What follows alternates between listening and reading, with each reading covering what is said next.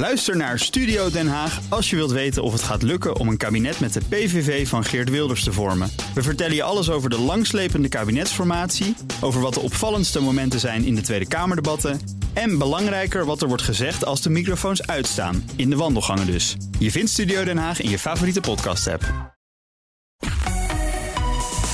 BNR Nieuwsradio. Boekenstein en de Wijk. Hugo Rijksma.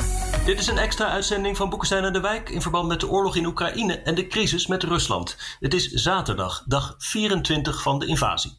Uh, Rob en Arjan, we spreken elkaar al uh, begin van de middag vandaag. Wat is, uh, wat is jullie nieuws?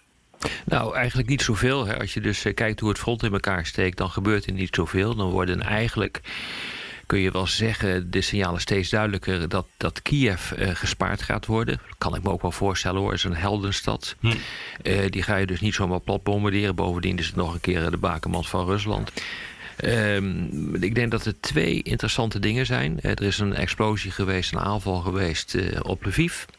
Op een uh, ondergronds uh, magazijn voor, voor munitie en dat soort zaken. Uh, dat zal ongetwijfeld een rol ook spelen in de hele bevoorrading vanuit het uh, westen uh, van de, de troepen van Oekraïne.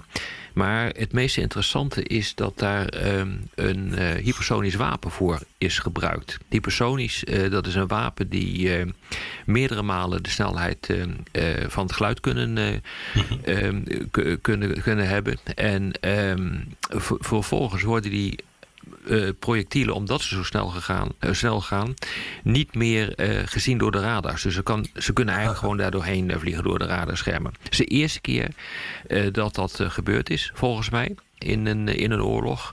de Russen hebben gezegd dat ze dat hebben gedaan. Het is overigens nog niet geverifieerd. Ja, maar het is toch wel een belangrijk punt. Het lijkt wel alsof Oekraïne daarmee een wapenlaboratorium aan het worden is. Nou, het tweede punt dat belangrijk is, en dat is denk ik ook wel voor de NAVO heel erg belangrijk. Uh, er zijn drone-incidenten geweest. Uh, uh, er zijn drones geweest die de grens over hebben gevlogen. Er is één geval geweest van een drone die Oekraïne verliet en bij, bij Zagreb te pletter sloeg. en een ander geval is er, dat is er iets recenter, dat er een drone uit Oekraïne via Polen weer terugvloog Oekraïne in en daar werd neergeschoten door de Oekraïners. En kijk, dit duidt er toch wel op dat het ook wel linkersoep is hoor. Want uh, als het een beetje tegen zit, wordt op deze manier uh, de NAVO ook uh, erbij betrokken. En dan hoop ik maar dat dat hele deconflicteringsmechanisme dat de Amerikanen en de Russen in werking hebben gesteld. Dus het aanmelden van zaken waarvan je denkt dat die escalerend kunnen werken, met name in het grensgebied, dat dat goed werkt. Ja, weet je, een vraag daarover op, met, met, met, name over die kamikaze-drones. Hè. Ja. Daar heb ik in lopen verdiepen. Die zijn dus echt heel klein en zeer effectief. Hè? Ja. Is er nou een kans dat het op tijd aankomt? Ik heb, ja. heb het al gehad. Dat, dat moet dus met, met vrachtwagens in de nacht, hè, moet het er naartoe. Ja. En je moet hopen dat er bevolking is, dat de satellieten die vrachtwagens niet kunnen zien. Hè? Mhm. En, en hetzelfde geldt voor die S-400, die Russische uh, geleide wa wapens, hè? Die, die raketten. Die willen ze dan van Bulgarije en Slowakije met Amerikaanse bemiddeling Oekraïne inrijden. Ja, dat, dat kan je vanuit satellieten zien natuurlijk, hè? Ja, ja, en ook uh, door middel van uh, observatiedrones. Je moet dat allemaal kunnen zien. Je hoeft dat niet, daar hoef je volgens mij niet eens satellieten uh, voor te gebruiken. Dat kun je ook gewoon met drones doen die onder de bewolking vliegen. Dan zouden ze nog wel uit de lucht kunnen worden geschoten. Maar dat is op zich denk ik wel mogelijk. En bovendien hebben ze natuurlijk overal informanten zitten door het hele land heen. Want realiseer je dat ook een hoop Oekraïners nog steeds Russisch-talig zijn. En het, het, zijn er niet heel veel, maar een aantal daarvan heeft toch de kant gekozen van, uh, van Rusland. Dus er zitten gewoon spionnen onder de Oekraïners. Ja, weet je, ik vind de vraag moeilijk te beantwoorden. Uh, hoeveel daarvan aankomt. Uh, we weten dat niet alles aankomt. We weten ook dat spullen in verkeerde handen komen. we weten ook uit andere conflicten dat als je dit doet, spullen ook naar andere conflictgebieden worden verkocht. Er komt wel iets aan, maar hoe die aanvoerlijnen lopen, weet je, dat is natuurlijk hartstikke geheim. We weten dat het allemaal bijeen wordt gebracht op een centrale plek, ergens bij de grens. En dan gaat het via ja, je zou bijna kunnen zeggen muilezelpaadjes, maar die hebben ze daar niet. Uh, maar in ieder geval via geheime routes het land in. Maar het blijft natuurlijk gewoon een, gok of dat allemaal goed gaat. Het is ontzettend belangrijk dat het wel lukt, jongens. Ja. Want ze zijn namelijk een klein beetje aan het winnen de afgelopen dagen, met name in Kiev met die derde lijnen. Dat ja. zou het fijn zijn als die kamikaze-drones uh, ja. daar massaal aan zouden komen. Maar goed. Ja. ja. En wat maken jullie ervan dat er nog steeds zo weinig beweging aan het front is? Is dat nog steeds logistieke problemen bij de Russen? Of gewoon dat ze van tactiek zijn veranderd door nu uh, steden te belegeren en, en uit te hongeren? Die in, tactiek hebben ze altijd al gehad. Dat is wel typisch Russisch. Ga er omheen uh, zitten, rook zo'n stad uit, zorg dat de bevolking weggaat, ga dan in en neem dan de stad in. En dan hoop je dat er zo weinig mogelijk schade, met name in het centrum, is. Hè. Die, die buitenwijken zijn eigenlijk vergelijkbaar met de stadsmuren, want het is een middeleeuwse belegering. Een andere verklaring is dat ze gewoon te weinig troepen hebben. Maar dat weten we al een hele tijd. Je kunt met uh, 150.000, 200.000 troepen zijn. En nu denk ik 150 in, uh, in, uh, in Oekraïne. Daarmee kun je zo'n zo, zo'n land, zeker zelfs niet het, het zuidelijk deel veroveren. Dat gaat niet. En ook Kiev kan je daar niet mee, mee veroveren en bezetten. Dat, dat, dat gaat gewoon niet. Het derde punt is dat, dat de, de verliezen toch oplopen. maar ook worden troepen moe. Dus die moeten roleren. En vandaar dus dat we nu allerlei berichten hebben over uh, uh, Syriërs die worden ingevlogen, uh, met, militairen van private militaire bedrijven die worden ingevlogen. We zien dat reserves uit, uit de buurt van Georgië, Zuid-Ossetië worden verplaatst naar Oekraïne. Dat duidt er gewoon op dat ze echt een probleem hebben en dat er een passtelling aan het ontstaan is. En, en die Syriërs en die Tsjetsjenen, die zijn dus heel goed in die guerrilla-warfare in de steden. Ja. Maar ja, het lijkt me nou ook niet een geweldige klus, zeg. Dan uh, word je in het vliegtuig gestopt en dan moet je dus Kiev binnengaan. De, de, de casualty rate is gigantisch in die stad. Ja, ja als je dat gaat doen, uh, dan uh, mag je daar inderdaad wel van, uit, van uitgaan. En als het klopt wat de Amerikanen nu zeggen... 7000 doden, pak weg tussen de 13 en 20.000 gewonden... Uh, dan heeft dat grote effecten op dit ogenblik al op de homogeniteit van die, uh, van die uh, Russische eenheden. want als je dat soort verliezen hebt, dan beginnen eenheden minder effectief te worden en vallen ze uit elkaar. Dus ja, of het waar is, weten we natuurlijk niet, want er is altijd veel gegogel met dit soort slachtoffersaantallen, maar het zou kunnen. Ja. Arjan, jij had het nog over de positie van China.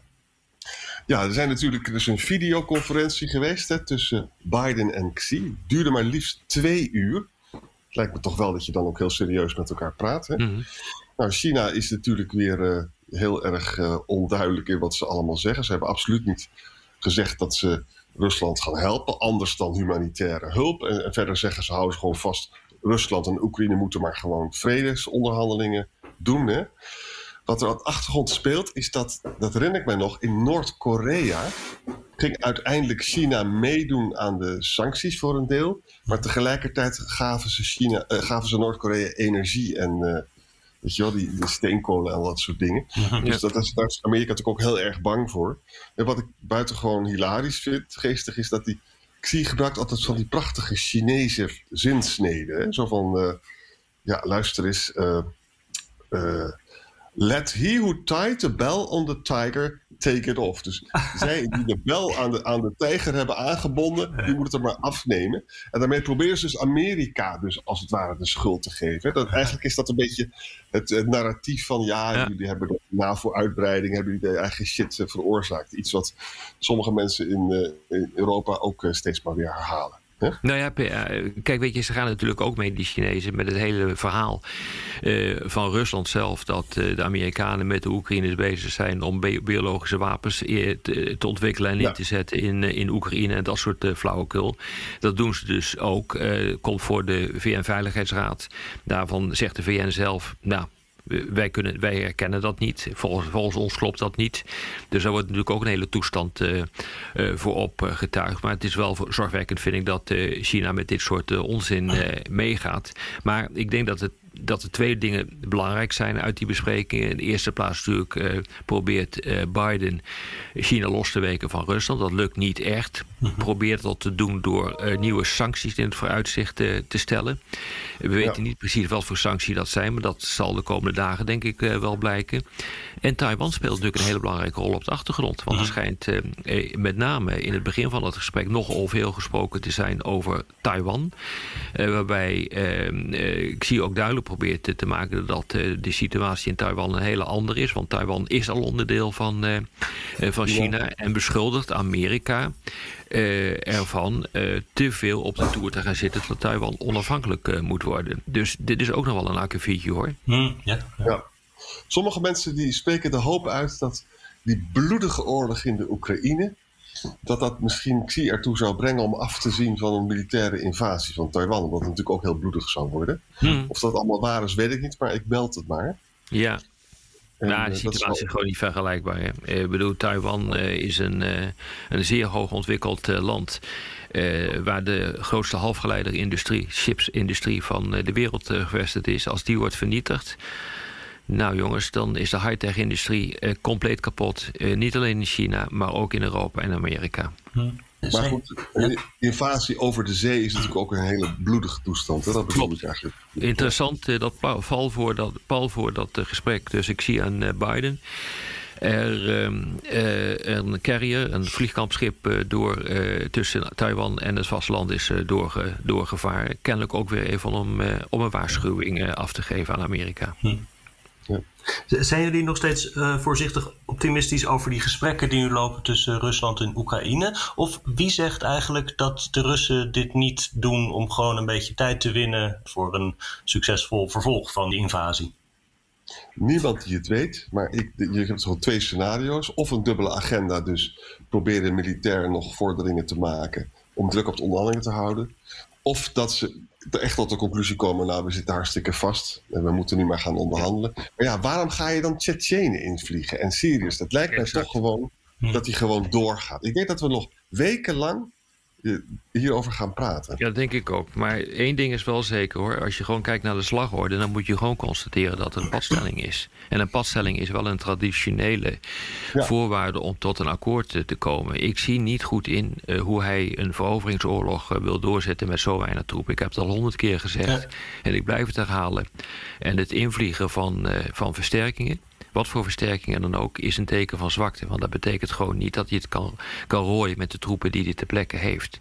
En dat zie je dus ook uit de berichten die er nu zijn, dat Kiev waarschijnlijk gewoon niet wordt ingenomen. Jongens, dat lukt ook niet. Ook al zouden er maar een, een miljoen mensen nog in de stad zijn gebleven, ook al zou het er maar 800.000 zijn, dan heb je al enkele tienduizenden mensen nodig om die stad onder controle te houden. Mhm. En heel misschien, jongens, gaat uh, Oekraïne uh, stapje voor stapje toch uh, terugslaan. Hè? En dat lees je nu ook in de stukken, dat Oekraïne een beetje aan het winnen is. Hè? Nou, winnen is een groot woord, mm. maar in ieder geval meer, uh, meer succes heeft in het afslaan, maar ook terugveroveren. Uh, ja. Nou ja, weet je, het, dat is wel een belangrijk punt. Kijk, niet verliezen is winnen in het geval van, uh, van Oekraïne. Uh, realiseer je dat in elke oorlog waar een in potentie veel sterker tegenstander tegen zwakke tegenstander uh, staat, die onconventionele oorlogstactieken gaat toepassen. Dus uh, guerrilla's, partisanenstrijd, dat is feitelijk wat er nu aan de hand is. Uh, die kan niet winnen. Dus Oekraïne kan nooit winnen, maar kan er wel voor zorgen dat Rusland niet wint. Hm. En dat is een kwestie van de lange adem. Nou, dat hebben, de, dat hebben de, bijvoorbeeld de Taliban in Afghanistan gedaan. En uiteindelijk heeft dat zo lang geduurd dat eh, Biden heeft gezegd: bekijk het maar, ik, ik vertrek. Ja. Ja. We hebben nog wat uh, luisteraars die zich afvragen waar dit nu heen moet. En Minke van Voorthuizen bijvoorbeeld die vraagt... laten we ons niet voor de gek houden, zoals Chamberlain dacht... met het verdrag van München, dat Hitler zich wel koest zou houden. En Ruud Schalei uh, vraagt... als de oplossing die Poetin aandraagt, demilitarisering, etc... gekoppeld zou worden aan een belofte van de NAVO... dat indien Rusland ooit weer Oekraïne binnenvalt... dit wel als een aanval op een NAVO-land zal worden gezien. Zou dat niet kunnen werken? Ja, maar het probleem is, kijk, we hebben met Budapest hebben we dat ook gedaan. Hè? Toen was er een Amerikaanse en een Britse veiligheidsgarantie van de Oekraïnse grenzen, omdat Oekraïne de kernwapens opgaf. Ja. En dat is gewoon, dat bleek dus niks waar te zijn toen het misging. Uh, ja, ik kijk, eh, ja, Arjan, ga verder. Nou ja, verder, kijk, een scenario dat er dus een rompstaat overblijft onder Zelensky. Hè? Ja, om, om om dat dus gelijk NAVO te maken, dat is ook weer zo wat. Hè? De vraag of dat gaat lukken. Ja, ja. maar kijk, mijn, mijn punt is. Uh, ik begrijp de vraagstelling en die wordt, dat, dit wordt ontzettend veel gevraagd. En dat is ook voor veel mensen een reden om te zeggen: wij moeten ingrijpen. Zonder zich te realiseren dat dat dus gewoon helemaal niet kan. Eh, uit Amerika komen nu ook signalen, ook door gerenommeerde denktanks, die zeggen: we moeten een no-fly zone afdwingen. Dat je daarmee moet gaan bombarderen in Rusland zelf. En een enorme oorlog in Europa uh, veroorzaakt. Dat schijnt er allemaal niet toe, te doen. Maar ja, ik bedoel, je woont in Amerika, dus jou raakt het niet letterlijk. Maar het punt is, het is niet vergelijkbaar met uh, Hitler, Chamberlain en uh, de situatie aan, van voor de, de Tweede Wereldoorlog. want dit is een inval in een soeverein land. En dat soevereine land is niet lid van de NAVO. Wij zijn niet in oorlog met Rusland. Dat moet even heel goed uh, uh, worden begrepen dat dat niet het geval is. Wij onderhandelen ook niet. Wij gaan straks ook niet onderhandelen. Omdat het een onderhandeling is tussen Rusland en Oekraïne en niet tussen de NAVO, de Verenigde Staten, de Europese Unie en Rusland. Dat is gewoon niet zo. Ehm, op het moment dat de NAVO zijn verdediging niet voor elkaar heeft, niet bereid is om kernwapens in te zetten en dat zullen ze wel moeten, omdat die verdediging zo wrak is van eh, de NAVO. Op het moment dat eh, bijvoorbeeld er agressie wordt gepleegd tegen de Baltische Staten, dan zou je gelijk kunnen hebben. Maar zolang dat niet het geval is, is de situatie gewoon niet vergelijkbaar met, uh, uh, met, met laten we zeggen, de, eind jaren 30 van de vorige eeuw. En, en dat heeft dus hele grote consequenties voor je, voor je strategie en je tactiek ten opzichte van, eh, van Rusland. Wij moeten gewoon ook dit conflict nu ja, uit laten razen. Uh, steun verlenen aan de uh, Oekraïners waar mogelijk. En onze verdediging van het NAVO-grondgebied in orde hebben. En dat wordt nu gedaan.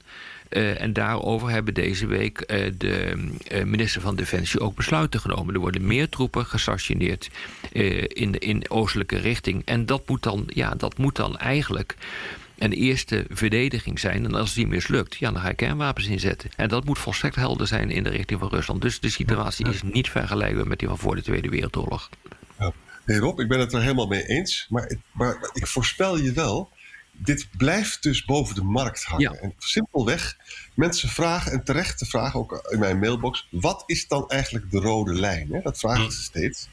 En stel je nou eens voor dat we een hele protracted een, een, stagnerende, een langdurige oorlog hebben. Kan, hè? Dat kan. Ja. Waarbij ontzettend veel mensen uh, sterven. Ja. Ja, dan, ik zou zelf wel heel graag een verhaal willen hebben. Daar ben ik ook wel heel blij mee dat Biden nou dus voor 1 miljard nog meer wapentuig.